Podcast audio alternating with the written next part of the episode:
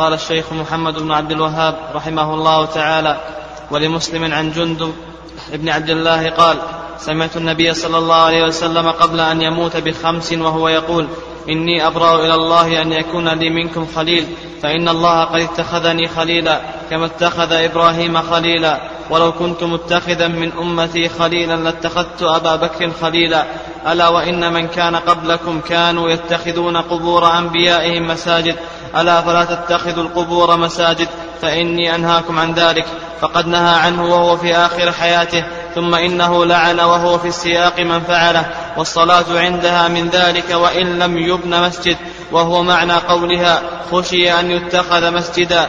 فإن الصحابة لم يكونوا ليبنوا حول قبره مسجدا وكل موضع يصلى فيه يسمى مسجدا. كما قال صلى الله عليه وسلم جعلت لي الأرض مسجدا وطهورا. ولأحمد بسند جيد عن المسعود رضي الله عنه مرفوعا إن من شرار الناس من تدركهم الساعة وهم أحياء والذين يتخذون القبور مساجد.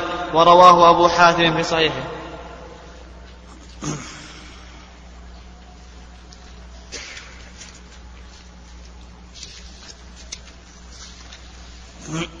بسم الله الرحمن الرحيم.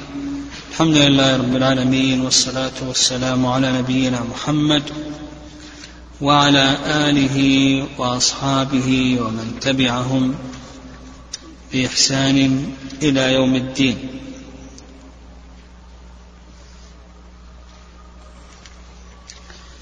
تقدم لنا أن من أسباب الشرك هو عبادة الله عز وجل عند القبور.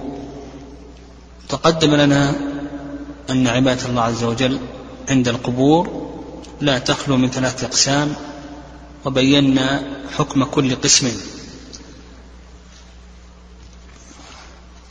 قال ولمسلم عن جندب بن عبد الله قال سمعت النبي صلى الله عليه وسلم قبل أن يموت بخمس يعني بخمس ليال. قبل أن يموت بخمس يعني بخمس ليال وقيل خمس سنين. وهو يقول إني أبرأ أي أمتنع وأنكر أمتنع وأنكر إلى الله أن يكون لي منكم خليل. الخليل هو المحبوب غاية المحبة الذي تخللت محبته القلب. نعم تخللت محبته القلب. ولو كنت متخذا من أمتي خليلا لاتخذت أبا بكر خليلا. يعني أن النبي صلى الله عليه وسلم يبرأ من أن يكون له خليل من هذه الأمة. لأن الله سبحانه وتعالى اتخذه خليلا كما أنه اتخذ إبراهيم عليه الصلاة والسلام خليلا. قال ولو كنت ألا قال ألا وإن من كان قبلكم كانوا يتخذون قبور أنبيائهم مساجد. يعني مساجد يعني مواضع للعبادة. أفلا ألا فلا تتخذوا القبور مساجد. يعني مواضع للعبادة فإني أنهاكم عن ذلك.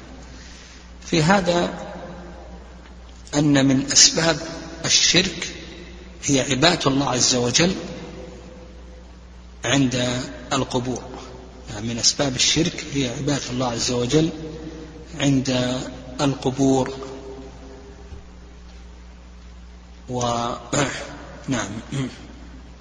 وسواء كان هذا القبر لرجل صالح أو كان لغير صالح. المهم أن نفهم أن عبادة الله عز وجل وتحري العبادة. وقصدها عند القبر أنه سبب من أسباب الوقوع في الشرك وهو شاهد لما ترجم له المؤلف رحمه الله تعالى. وأن اتخاذ المساجد أو أن اتخاذ القبور مساجد إنما هو فعل أهل الكتاب ونحن قد نهينا أن نسلك مسالكهم وأن نتبع سننهم. قال رحمه الله تعالى فقد نهى عنه. هذا الكلام من كلام شيخ الإسلام تيمية رحمه الله. قال فقد نهى عنه وهو في آخر حياته. كما في حديث جندب رضي الله تعالى عنه. ثم إنه لعن وهو في السياق يعني في سياق الموت كما في حديث عائشة رضي الله تعالى عنها من فعله والصلاة عندها من ذلك وإن لم يبن مسجد. يعني فعل الصلاة عند القبر من اتخاذ القبر مسجد. يعني اتخاذ القبر مسجد له معنيان. معنى عام وهو أداء قصد العبادة عند القبر. هذا معنى عام. يعني اتخاذ القبور مساجد له معنيان المعنى الأول معنى عام وهو تحري العبادة عند القبور. فهذا من اتخاذها ماذا؟ مساجد. ومعنى خاص وهو بناء المسجد على القبر. وكلا الأمرين سبب من أسباب الوقوع في الشرك نعم سبب من أسباب الوقوع في الشرك قال وهو معنى قولها خشي أن يتخذ مسجدا فإن الصحابة لم يكونوا ليبنوا حول قبره مسجدا نعم فمعنى قوله يعني نهي النبي صلى الله عليه وسلم عن اتخاذ القبور مساجد هل هل قصده المعنى العام ولا المعنى الخاص؟ ها؟ وكلاهما منهي عنه لا إشكال. لكن كلام شيخ الإسلام هنا أراد أن يبين لك ماذا؟ أنه المعنى العام. وأن قصد العبادة عند القبور أنها من اتخاذ القبور مساجد التي تكون سببا من أسباب الوقوع في الشرك. نعم. بدليل أن الصحابة لم يكونوا ليبنوا حول قبره مسجدا. قطعا ما كانوا سيبنون مسجدا. نعم فدل على أن المقصود بذلك هو المعنى العام وأن قصد العبادة عند القبور أنه من اتخاذ القبر مسجدا. قال وكل موضع يسمى فيه وكل موضع يصلى فيه يسمى مسجدا. كما قال صلى الله عليه وسلم جعلت لي الأرض مسجدا وطهورا. نعم. فالأرض كلها مسجد. يعني الأرض كلها مسجد تصح الصلاة فيها وهذا بالمعنى العام وليس بالمعنى الخاص. أما المعنى الخاص فالمسجد هو الموضع المبني المهيأ لإقامة الصلوات.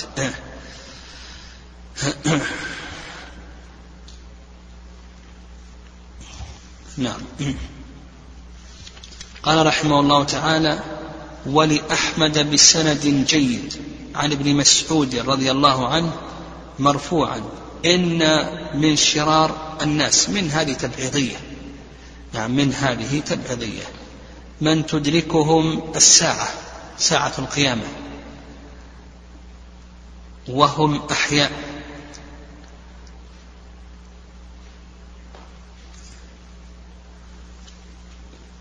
من تدركهم الساعة يعني ساعة القيامة وهم أحياء. فقوله عليه الصلاة والسلام من تدركهم الساعة يحتمل أن المراد تقوم عليهم الساعة حقيقة ويحتمل أن المراد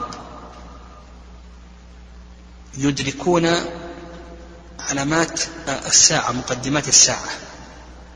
يعني يدركون مقدمات الساعة وعلامات الساعة. كخروج الدابة والدجال وطلوع الشمس من مغربها. فمن تدركهم الساعة يحتمل أن المراد بذلك من تقوم عليهم الساعة حقيقة ويحتمل أن أن المراد الذين يدركون مقدمات الساعة من خروج الدابة وطلوع الشمس من مغربها والدجال وغير ذلك.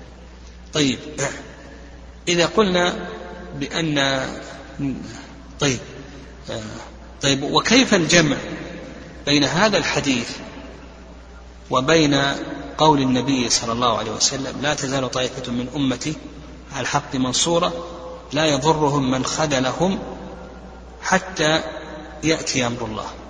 ها كيف الجمع؟ ها؟ نعم. إما أن نقول بأن من هذه تبعيضية يعني أن من شرار الناس من شرار الناس ولا يشمل جميع الناس. ها؟ والجواب الثاني ها؟ كيف؟ قرب قيام الساعة. يعني المقصود ليس حقيقة القيام وإنما قرب قيام الساعة. آه. لأن الساعة لا تقوم إلا على شرار الخلق. وأما المؤمنون فإنهم يقبضون يعني الذين يكونون على الحق يقبضون قبل قيام الساعة. قال رحمه الله والذين يتخذون القبور مساجد معنى ذلك يتخذونها بالمعنى العام أي أنهم يقصدونها لأداء العبادة أو أن المعنى الخاص يعني يشمل أمرين المعنى الخاص بناء المساجد عليها أو المعنى العام وهو قصدها لأي شيء يعني قصدها للعبادة. وفي هذا أن عبادة الله عز وجل عند القبر سواء كان لصالح أو لغير صالح أنه من اتخاذ المسجد القبر مسجدا وأنه سبب من أسباب الوقوع في الشرك. قال رحمه الله تعالى وقوله شرار الناس يعني جمع شر وأفعل تفضيل يعني, يعني أصحاب شر. قال باب ما جاء أن الغلو في قبور الصالحين يصيرها أوثانا تعبد من دون الله. مناسبة هذا الباب لكتاب التوحيد. أراد المؤلف رحمه الله تعالى أيضا أن يبين سببا آخر من أسباب الوقوع في الشرك. فمن أسباب الوقوع في الشرك الغلو في قبور الصالحين. كما أن من أسباب الشرك كما تقدم مضى لنا ماذا؟ عبادة الله عز وجل عند القبور أو عند قبر رجل صالح هذا من أسباب الشرك. وكذلك أيضا من أسباب الشرك الغلو في الصالحين. كذلك أيضا هذا هو السبب الثالث. الغلو في القبور. الغلو في القبور هذا سبب من أسباب الشرك. وسيذكر أيضا المؤلف رحمه الله بابا في التصوير وأن التصوير أيضا سبب من أسباب الشرك. وتقدم لنا تعريف الغلو. ومناسبة هذا الباب لما قبله أن الباب الذي قبله ها في بيان سبب من أسباب الوقوع في الشرك. وهذا الباب أيضا في بيان سبب من أسباب الوقوع في الشرك وهو الغلو في قبور الصالحين. وتقدم لنا آه، تفسير الغلو تقدم لنا أيضا تفسير الصالحين وأن الصالحين جمع صالح وهو من قام بحق الله أو قام بحق عبد الله عباد الله. قال يصيرها أوثانا. الأوثان جمع وثن وهو كل ما عبد من دون الله عز وجل. تقدم لنا الفرق بين الوثن وبين الصنم. قال تعبد من دون الله يعني سوى الله عز وجل. تعبد من دون الله يعني سوى الله عز وجل. ونفهم أن القبور نعم. القبور من المواضع التي يتبرك بها. والبركة في القبور بركتان. نعم البركة في القبور بركتان. البركة الأولى بركة مشروعة وهي انتفاع الزائر والمزور أما الزائر فينتفع كما قال النبي صلى الله عليه وسلم فإنها تذكركم الآخرة. كنت نهيتكم عن زيارة القبور فزوروها. فإنها تذكركم الآخرة. فالزائر ينتفع بتذكر الآخرة وأنه سيكون عما قريب جثة هامدة مرتهن بعمله كصاحب هذا القبر. فينتفع الزائر بالتذكر والاستجابة لأمر الله وأمر رسوله صلى الله عليه وسلم الاقتداء بالنبي صلى الله عليه وسلم إلى آخره. والمزور صاحب القبر ينتفع بالدعاء يعني بزيارته والدعاء له. هذه الزيارة الشرعية وهذه هي البركة الشرعية. القسم الثاني بركة بدعية وزيارة بدعية. وهذه الزيارة البدعية تتضمن صورا من هذه الصور الصلاة عند القبور الذهاب إلى القبور والصلاة عندها ومن هذه الصور الاعتكاف يعني إطالة الإقامة عندها ومن هذه الصور تحري العبادة من الصدقة يعني يتحرى أن يتصدق عند القبر أو أن يقرأ عند القبر.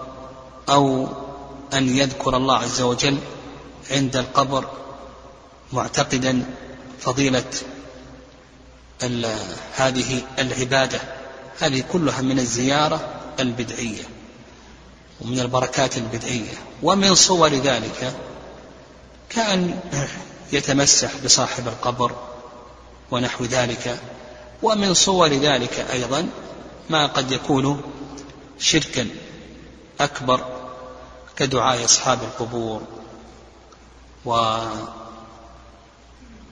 والذبح لها والاستغاثة وسؤالها تفريج الكربات ونحو ذلك هذا كله شرك أكبر.